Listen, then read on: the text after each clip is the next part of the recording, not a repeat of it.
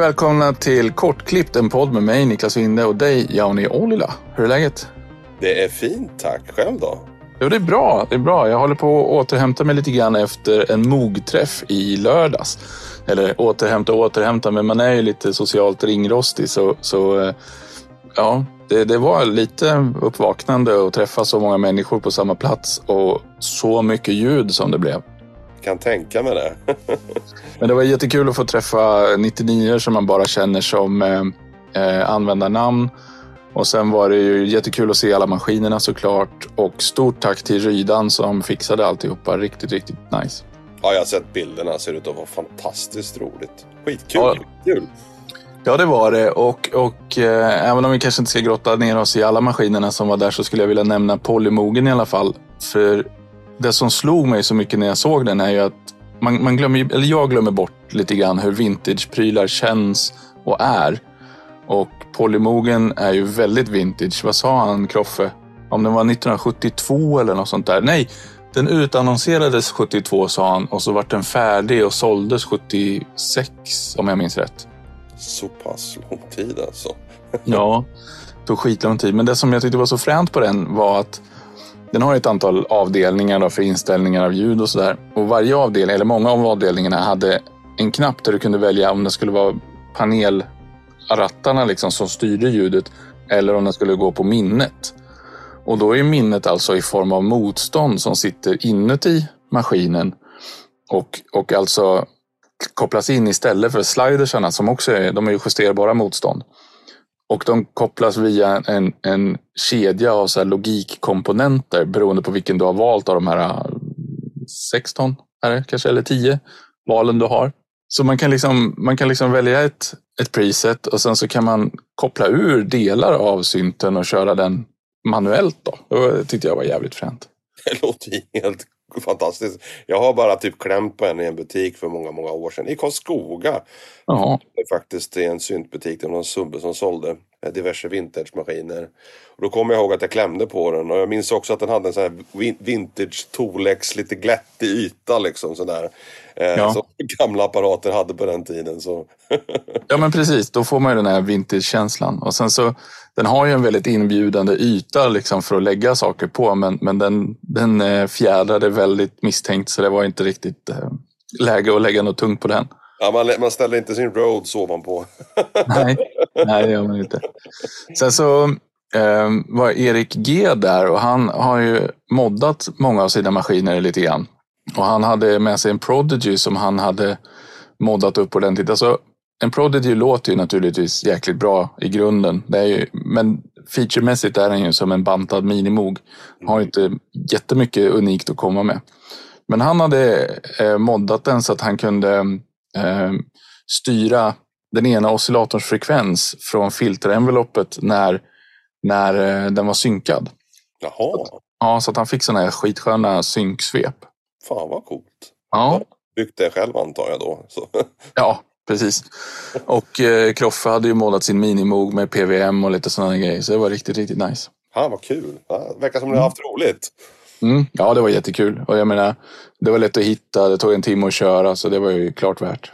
Jag läste något om en, eh, en, en ny ett till event, trummaskins-event. Kan det stämma? Ja, ja, det verkar som att det planeras något sånt.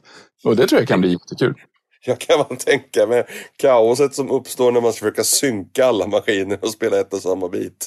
Ja. Ja, underbart. Apropå trummaskiner så hade du skaffat en ny va? Ja, det har jag gjort. Ja, kul. En Roland sån här ACB. Jag tror det är Analog Circuit Behavior. Om jag inte minns alldeles fel. TR06.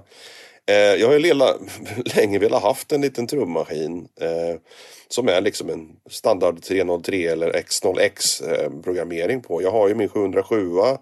Jag har Digitakt och lite annat liksom. Men jag vill ha en vintagemaskin. Och då sprang jag på den här. Eh, på en annons som jag köpte för typ ja, ett par tusen lappar.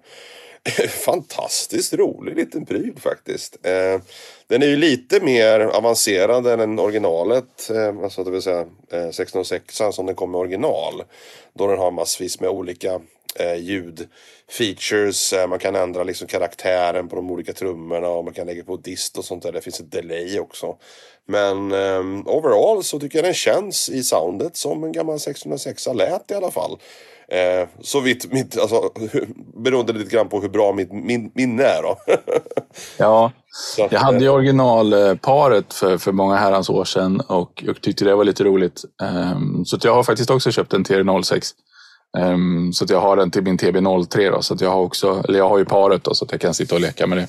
Det är något speciellt, alltså, alltså jag gillar ju dem, den kicken och pukorna extremt mycket. Eh, snären är väl lite väl snappy kanske för mina öron. Men det går ju att justera nu i eh, ljuddesignsdelen då i 06 vilket är jättebra så man kan få ner edgen lite grann så om man vill då. Och det var lite, tänkt, lite grann tänkt att göra sådana här långa monotona eh, techno, dub, whatever sessioner eh, planen då. Så att det passar mig hand i handsken och ha en liten trummaskin och flytta undan till ett mindre eh, liten setup med ett par enheter istället för hela, hela systemet. Då. Så att jag tycker det är en fantastiskt kul maskin och den låter och ser för trevlig ut också. Den ser nästan ut som originalet.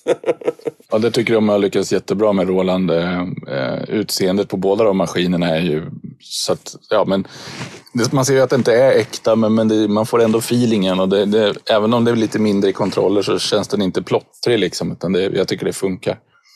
Det kändes också lika, alltså bredare, om inte, om i alla fall lika bred, om inte bredare än originalet, men lite mindre på höjden då såklart. Så att de har ju gjort den i den här butikstorleken som alla andra apparater, vilket är en trevlig size tycker jag. Men har man stora boxhandskar som jag har ibland och feta tummar så kan det vara svårt med de mindre kontrollerna. Men det var ingenting som jag direkt kände att nej, det, det här är för svårt att manövrera.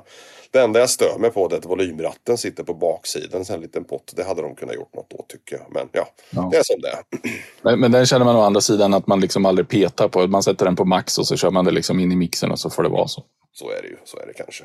Sen eh, går ju den, den där har ju USB också, så att jag vet, vet du om man kan få alla spåren separat på USB på den? Du, jag har inte testat. Eh, jag hann bara starta upp den i en kvart, 20 minuter i studion. Eh, som hastigast då, när, i och med att jag fick den i veckan. Eller förra veckan.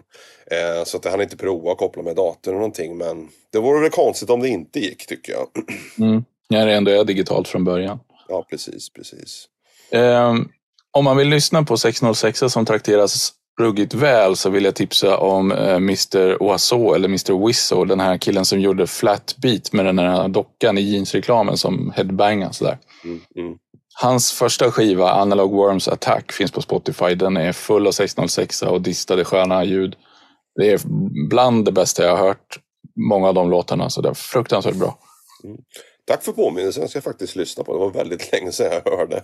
ja, jag brukar köra den ibland och, och eh, den är ruggigt bra. Men sen så spårade han ur för alla andra skivor han har gjort sen dess har varit jättekonstiga och dåliga. Det har varit väldigt få bra låtar på dem tycker jag personligen. Ja, det var den där dockan som hoppade av tror jag. ja precis, han gav upp dockan och så vart det inget bra längre. Men du, förutom att köpa trummaskin så har du varit ute på lite andra äventyr. Ja, precis. Jag har ju mitt projekt eh, med min kära bror Jarmo. Eh, med ett band som heter Teleskop. Och vi gör ju lite, ja vad ska man säga, 80-talsdoftande eh, syntpop kan man väl säga lite grann. Pop, elektropop åt det hållet. Eh, vi släppte en EP förra året. Eh, fyra låtars historia. Och vi har suttit och jobbat ihop eh, fyra låtar till då. Eh, under, under, ja, under julen och nyår och allt sånt där. Och så var det dags att spela in lite sång på det där. Eh, och det är ju någonting som jag ville reflektera lite grann över hur vi jobbar då som band, jag och brorsan. Alltså, Jarmo han skickar ju som oftast låtar eh, i demoformat, typ gitarr och sång eller stråkmaskin, trummaskin och lite bas. Men inte någonting som är speciellt avancerat mixat utan bara demoformat. Då. Så kommer han hem till mig i studion, så sitter vi här och jobbar tillsammans. Så skriver vi liksom materialet då ihop. Eh, vi liksom producerar upp låtarna från scratch och känner efter liksom hur låtarna funkar och så lägger lite slasksång på det där då. Och det blir en ganska lång process. Vi sitter ju en hel helg och jobbar igenom fyra låtar och, och det blir väldigt, det blir väldigt liksom, man blir trött på sin studio, man blir trött på liksom eh, miljön och eh, så jag snackade då med brorsan, och fan vi ska väl åka till Johan Bäckström, eh, som är en god vän till både mig och brorsan. Eh, brorsan hade ett band också eh, med honom, Daily Planet. Eh, för att mm. lägga på sång. För att ett, få miljöombyte. Två, få träffa en kompis. Och tre, dricka lite öl på småtimmarna när vi är klara med inspelningen. Eh, och det där är ju en fantastiskt rolig idé. Någonting som jag rekommenderar andra om de har möjligheten också när man ska göra vissa moment där kanske inte instrumenten krävs. Eh, för att miljöombyte gör extremt mycket för kreativiteten. Eh, och så två, man skapar en tidsbegränsning för sig själv. Vilket gör att man sitter inte och lallar runt och leker och latchar och hittar på massa andra saker. Utan att man går in då på lånad tid hos en kompis. Eh, då ser man det mera som ett jobb i den aspekten. Och det skapar då en helt annan professionell känsla och attityd när man går in då i studion.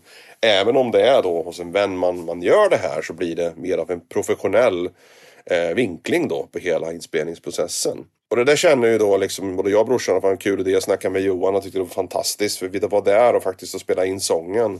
På den förra EPn också. Mest för att inte vi hade någon möjlighet rent tekniskt att göra det. Eh, idag så kan jag ju spela in sången i min studio också. Jag har ju möjligheter men det kändes som en kul grej att repetera det här då. Eh, och tänkte jag berätta lite grann då om processen. Alltså, eh, fyra låtar är ju ganska mycket material att sjunga in. Eh, och vi hade typ en dag bara på oss att göra eh, de här sångpåläggen. Eh, så att det var ju viktigt och jag kom dit vid 10-11 någonting på morgonen. Och vi hade liksom hela kvällen då fram till ja, så sent som vi bara ville då på oss. Eh, så en av de grejerna vi fokuserade på var att Eh, eh, brorsan skulle lägga alla huvudsegment först. Det vill säga lidsång.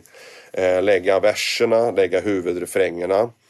Och inte spendera massa onödig tid på att dubba, lägga stämmer och sånt där. Förrän liksom vi var klara med alla de fyra låtarna.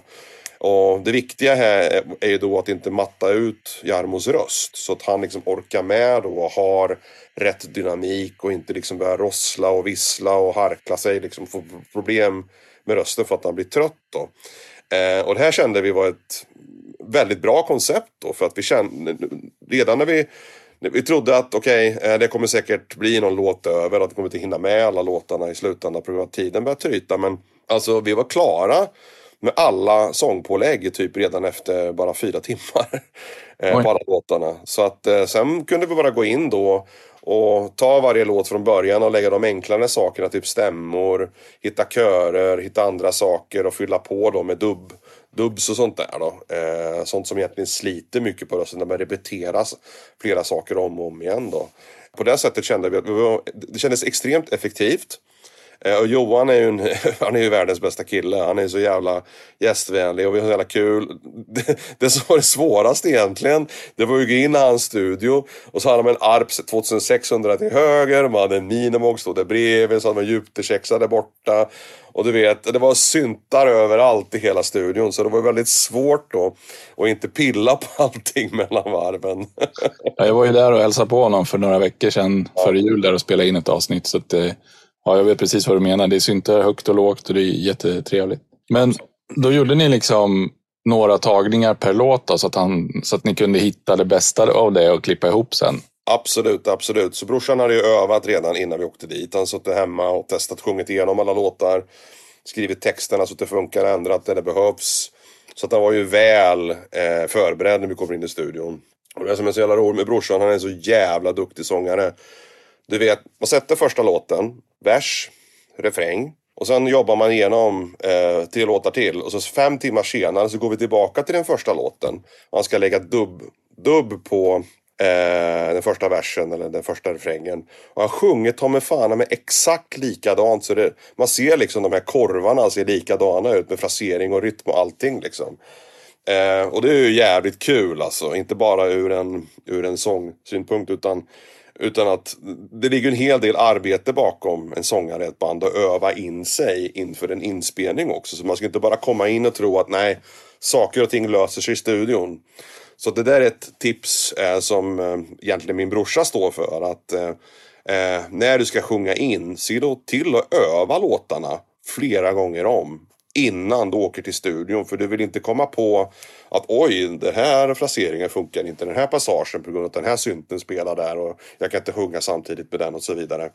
Och är man väl förberedd på det sättet så Eh, så ja, det går, kommer gå så mycket bättre i själva inspelningstillfället. Då. Precis, och då undviker man de här fällorna när det liksom börjar bli tjurigt och det går dåligt och det funkar inget och man får prestationsångest och man misslyckas och, och sådär. Så det, det bara blir surt alltihopa. Utan, liksom, precis. Men precis som med livespelningarna som du pratade om, att liksom, är du väl förberedd då kan du ta ut svängarna, då kan du prova saker men du har alltid något att falla tillbaka på. Det är samma här. Precis, precis. Och nu är vi ju väldigt, eh, lyck alltså det är, det är väldigt tursamt också, inte tursamt, utan Johan är ju så jävla duktig. Eh, han är sjukt snabb eh, när han jobbar i sitt system, kör Cubase som jag gör. Eh, och han har ett extremt bra öra för det som inte funkar. Om det är någonting som ligger lite falskt, eller om det är någonting som är surt, eller någon, någon passage som inte funkar. Han hör det direkt på en mikrosekund så kan han bara avbryta, vi tar det en gång till. Och jag då kan ju lyssna om på det här kanske tre, fyra gånger så tar det mig en stund innan jag hör de grejerna som man anmärker på. Så att jag, han, jag ger honom, vi ger honom 100% liksom, du vet, eh, frihet att bara styra inspelningen i den riktning som är rätt. Då, för han har alltid rätt när det gäller de grejerna. För jag har själv känt när jag blivit äldre så har mitt, liksom, min hörsel blivit sämre och mitt gehör har typ mer eller mindre försvunnit. Så jag kan liksom, jag har mycket svårare för att hitta eh, saker som funkar och som inte funkar då eh, i en mm. inspelning. Medan han hör det direkt på en mikrosekund. Det, det är helt fantastiskt. Där. Så han är som en liten robot, en plugin kan man säga. Man lägger Bäckström på det så fixar han det. det är perfekt. Jag tänkte på, har han någon speciell eh, sångkedja då, med mick och preamp och, och sådana bitar? Rätt in bara. Rätt in. Inga konstigheter, inget knas. Micken eh, genom någon enklare preamp-historia, det mixerbord, mixerbordet som han kör. Så det är så lite färgning som möjligt då eh, från den mikrofonen han har. Eh, så sköter jag då preamp-inställningar och sådana här saker, kompressorer och sånt när jag kommer hem med materialet istället. Ja. Så att eh, egentligen så har jag en så ren signal som möjligt. Eh, med lite headroom då, så det finns lite att jobba med. Och se till då att det inte överstyr och klipper och att det inte är för tyst då. Så det är de parametrarna vi jobbar med. Och det är det som känns bäst. Eh, jag behöver egentligen inte höra resultatet för jag vet att Jarmo sjunger bra. Eh, jag litar också på Johan som mixar allting så att allting som kommer ut därifrån är alltid supercleant. Det är inga konstigheter liksom. Så att, eh, men är man då kanske i en studio där man inte känner personen så kan det vara bra att ha de här pluginsen påslagna. Någon preamp här, någon kompressor där och någon limiter. Eh, om man är osäker på liksom hur, hur slutresultatet kommer att bli. För då kan man höra det direkt när man spelar in det. Eh, så det kan vara en fördel då. Eh, jag skulle nästan vilja rekommendera det tror jag. Eh, men vi är så pass gamla i gamet så att vi känner liksom att det finns inget krav, det finns inget behov. Vi vet, vi vet när det funkar och vi vet vad vi ska lyssna efter för att vi ska kunna hitta felen. Då, så. Eh, så att det är så, så cleant och rent som möjligt egentligen kan man säga. För jag har hört en del andra säga att de gärna spelar in sång Ofta genom en liten, en liten kedja med någon kompressor och kanske något EQ redan liksom på väg in i inspelningen. Och ibland så spelar de in det på en kanal rent och en kanal med lite pluggar på, liksom på väg in. Men det är olika. Ja, det är olika. Det är helt upp till processen och vad man tycker själv funkar bäst. Eh, eh, alltså, det finns ju egentligen ingenting som är rätt här utan man tar det man känner sig mest bekväm med. Eh, och ska man hålla på liksom och taffla med delay och reverb och sånt där så finns det viss risk för att han missar eh, små, känner jag själv, små fraseringar, små rytmikgrejer och sånt där som gör att man kanske måste gå in och editera i efterhand då. Så ju mindre slask man har på så tänker jag personligen är det enklare att höra felet eller liksom en, en eventuell korrigering som behövas då. Så att det är så jag tänker. Eh, men det finns såklart andra sätt också. Och är, man får jobba sig fram med det som man tycker själv eh, funkar bäst för sin egen musik och, och situationen då. Precis. Sen, jag minns att han hade inget direkt sångbås så, utan han har väl en mick med en sån här skärm runt va? Yes, stämmer bra det. Stämmer bra det. Så det är viktigt då. Eh, alltså lyssningen är lite sådär. Det är lite hörlurar här och där och som man får hålla på och pilla och greja med som kan vara lite vanskligt när man är flera i en studio och inte har riktigt sångbås då. Så det, det är väl kanske det som eh, Eh, vi känner saknas, saknas lite grann. Men eh, det är absolut inget hinder att arbeta i samma rum. Man har den här vanan inne, man sitter inte med sin jävla telefon och blippar och man sitter liksom still och tyst och knarrar inte med stolen så, så funkar det jättebra att göra det. Eh, och framförallt så gillar jag att vara i samma rum som brorsan när han sjunger för man har liksom ett samspel, man tittar på varann. Så räcker det med en blick liksom, nej det funkar inte så tar vi om det. Så det finns liksom, man har ett annat samspel egentligen när man befinner sig i, i ja, ett och samma rum då, istället för att ha en spegelvägg eller någon, eh, någon glasvägg emellan som skiljer. Just det. Ja men det där tror jag är, är viktigt och sen jag menar som du säger, ni känner varandra så pass bra så att liksom den, det samspelet som ni har skap, hjälper ju till att skapa lite magi som hamnar lite grann i inspelningen sen också. Precis, precis. Det finns ju många, många historier jag kan berätta. Jag har en låt, eh, alltså det, det är så jävla sjukt. Det var så jävla länge sedan. Jag kommer inte ens ihåg vad låten heter. Men det är en, en på de, jag är jättedålig på låttitlar för övrigt. Så jag, jag skäms inte för det. Det är bara så det funkar. Eh, brorsan tog i så in i ett helvete från tårna. Just det, eh, den sista låten på, på eh, Återvändsgränd, den här höstpromenad. Då tar han i utav bara helvete liksom, så att mikrofonen distar. Eh, men det var en sån här grej som att när vi lyssnade på det i efterhand så kändes det så jävla rätt. Det var alltså inte i signalkedjan disken, disken kom, utan brorsan tog i så jävla hårt. Så att han antagligen bottnade membranet då på mikrofonen. Eh, och det lät så jävla bra gjorde det så vi bestämde oss, bestämde oss för att behålla det. Och det är sådana grejer också som man känner ibland eh, är någonting som händer när man är i rummet och man har en viss feeling. Och då när vi spelade in sången så stod jag bredvid brorsan också och då var Magnus var med då också. Eh, och det var en väldigt speciellt ögonblick. När han var färdig med tagningen så var vi så här Nästan så att luften gick ur oss liksom. Shit, vad var det som hände? Fick vi med det där på band liksom? Eh, och det är sådana grejer som är extremt roliga eh, att få höra sen på skivan när de verkligen funkar också. Så att, eh, det vill man inte missa. Nej, och sen jag menar, mycket av vår musik görs ju i maskiner med en dator och då är det väl bra att få in lite liv i det då. Precis, precis. Ja. Ja, men det var jävligt kul och eh, jag kan inte, jag kan inte liksom tacka Johan tillräckligt. Det var fantastiskt kul att vara hemma hos honom i hans studio. Eh, och jag tror nog att det blir en återkommande grej att vi byter miljö. Eh, sen Johan kanske inte orkar ha oss den varje gång vi spelar in men det känns som en kul grej också. Och jag skulle själv kunna tänka mig att göra andra moment på andra ställen. Lite fältinspelningar också för att skapa lite extra liv och eh, nyanser i den egna musiken som man gör. Så att det är någonting som jag tar till mig lite grann tror jag. Kanske använder på andra håll också. Titta in till mig och spela in lite bucklar då kanske. Precis.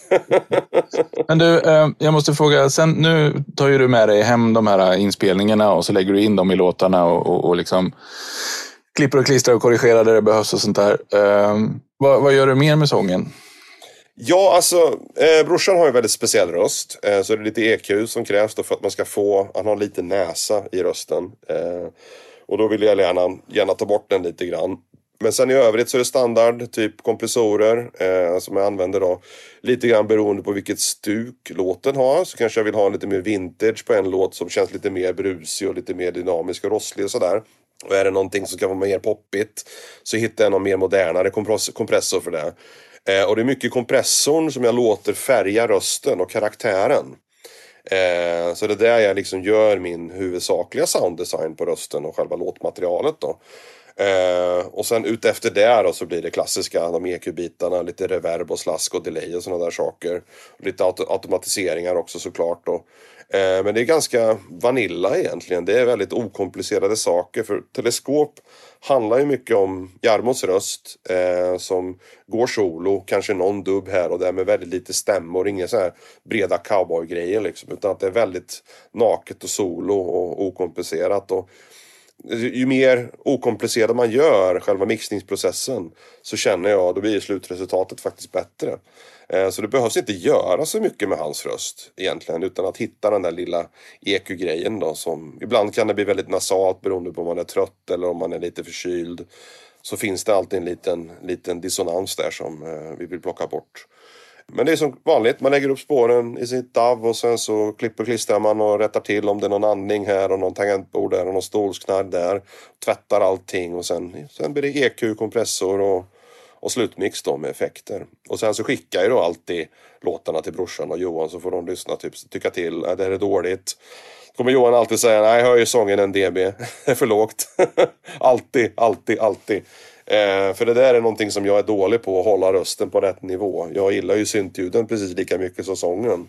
Men det ska ju premieras att, att sången ska höras ordentligt även i, i radio eller situationer man kanske spelar i en telefon någonting. Då måste rösten upp lite grann. Då. Så att eh, det är en feedback-loop som vi alltid har då i, i mixningsprocessen. Mm. Och sen eh, släpper ni det här som en EP då? Är det just något särskilt med det formatet eller är det att man bara har hunnit så många låtar? Liksom? Ja, jag och brorsan snackade om det där. Vi skulle kunna göra ett album, typ tio låtar. Men det skulle ta oss typ två år att få ihop det. För att jag bor i Skåne, han bor i Värmland eh, och det är svårt att hinna tid och framförallt allokera andra personers tid. Så att vi känner att vi kör EP några gånger, eh, släpper vi, ser om det finns intresse där ute. Och finns det intresse så kanske det kommer ett album också framgent. Eh, det är ju strategiskt och eh, vad heter det, eh, kommersiellt dåligt att släppa EPs. För det är ingen som recenserar en EP, de ser det som en singel. Så man får ju mindre tid i media och sånt där då, så det är vi medvetna om. Men eh, vi gör ju musik för att vi tycker det är kul och för att vi måste göra musik för att annars skulle vi ha så tråkigt. Så EP-formatet funkar. Eh, det är fyra låtar, nu kan man välja ut de bästa eh, av de demos som brorsan har skickat. Och så blir det då liksom lite av en hitkavalkad varje gång man släpper en skiva istället för att det ska vara några transportsträckor och sånt där. Och så, så att vi gillar formatet lite grann kan man säga. Sen är ju bandet hyfsat nytt också så det är väl bra att fylla på med lite material och så kan ni dra en fullängdare sen om det börjar rulla så har ni liksom i ryggen. Precis, precis. Och vi får väl liksom komma till skott där då om vi tycker att nej, men det här funkar bra. Och så jobbar vi på ett album. Men jag tror nog inte att tillvägagångssättet skulle bli något annorlunda utan vi skulle få jobba då eh, med fyra låtars, tre, fyra låtar per, per gång. Och då måste man göra det här då två gånger istället för en gång eh, i studion. Och det blir svårt att planera med tid och semestrar och familjer och allting. Så att det blir ju naturligt en mycket längre transportsträcka att få skivan klar. Då. Eh, så att ja, det är ju en, eh, det är ett artistiskt val man får ta helt enkelt. Om man tycker att om vi har någonting mer att säga med ett album än vi kan säga med en EP. Då. Mm. Mm. Ser vi fram emot att föra den då? Ja, det ska bli kul. Det ska bli kul. Så inga planer på släpp och sånt där då. Men jag vill ju ha ut den så fort som möjligt. Jag har inte börjat mixa än. Eh, men det kommer väl troligtvis bli här i dagarna. Eh, kanske en, en eller två veckor kommer jag sätta mig ner med allt och lyssna igenom. Eh, så att eh, jag hoppas på att vi kan få ut någonting under det här året. Eh, men allting beror ju på tillfälligheter och möjligheter med skivbolag och presserier och tryckerier och allt sånt där. Så att, men jag lovar inget, men vi ska försöka. ja. Då har vi ett nytt inslag som jag har hittat på som jag skulle vilja kalla för filosofiska hörnan. Det går ut på att eh, eh jag, jag har tänkt lite för mycket på en sak och så flummar jag loss lite grann. Vi, vi får se om det flyger. eh, och, och, dagens ämne är vinylskivor. Alla vet ju hur vinylskivor funkar. Det är alltså en, en platta i plast där det finns ett spår och i det spåret stoppar man en nål som åker. Och, och det här spåret skulle man ju kunna se som ett dike. Och nålen är, den springer i diket. Och, och, om du tänker dig då själv ett dike som kanske är gjort av betong så det är alldeles släta väggar så det är alldeles, då är det jättelätt att springa rakt fram. Men om det är knuggliga väggar och, och lite lerklumpar och grejer så studsar du fram och tillbaka. Och det är precis så som vinylskivan är. Den har liksom vågiga väggar så att nålen vibrerar när den åker i spåret. Och de här vibrationerna är ju musiken då. då. Men det här är ju mekaniskt. Så du har ju liksom en nål som du sätter ner i ett spår och så, så, så skrapar ju den ut med skivan egentligen. Mekaniskt. Och, och, du måste ju ställa in alltihopa så att den trycker lagom hårt på skivan så att den inte sliter för hårt på skivan. Men hur du än gör så är det ju en mekanisk fysisk kontakt mellan en nål i, i någon hårdmetall eller diamant ibland till och med och en plastbit. Så det måste ju vara oundvikligt att nålen släpar med sig bitar av plasten. Alltså kanske någon atom eller två eller molekyl eller någonting sånt där. Och då har jag tänkt att man skulle kunna se det som att det går ju bara att spela en vinylskiva ett visst antal gånger innan den är helt utsliten och inte går att spela längre. Därför att nålen har släpat med sig så mycket av, av spåret varje gång. Så då skulle man kunna säga att varje gång du spelar en vinylskiva så ger den lite av sitt liv och därför blir ljudet mer levande.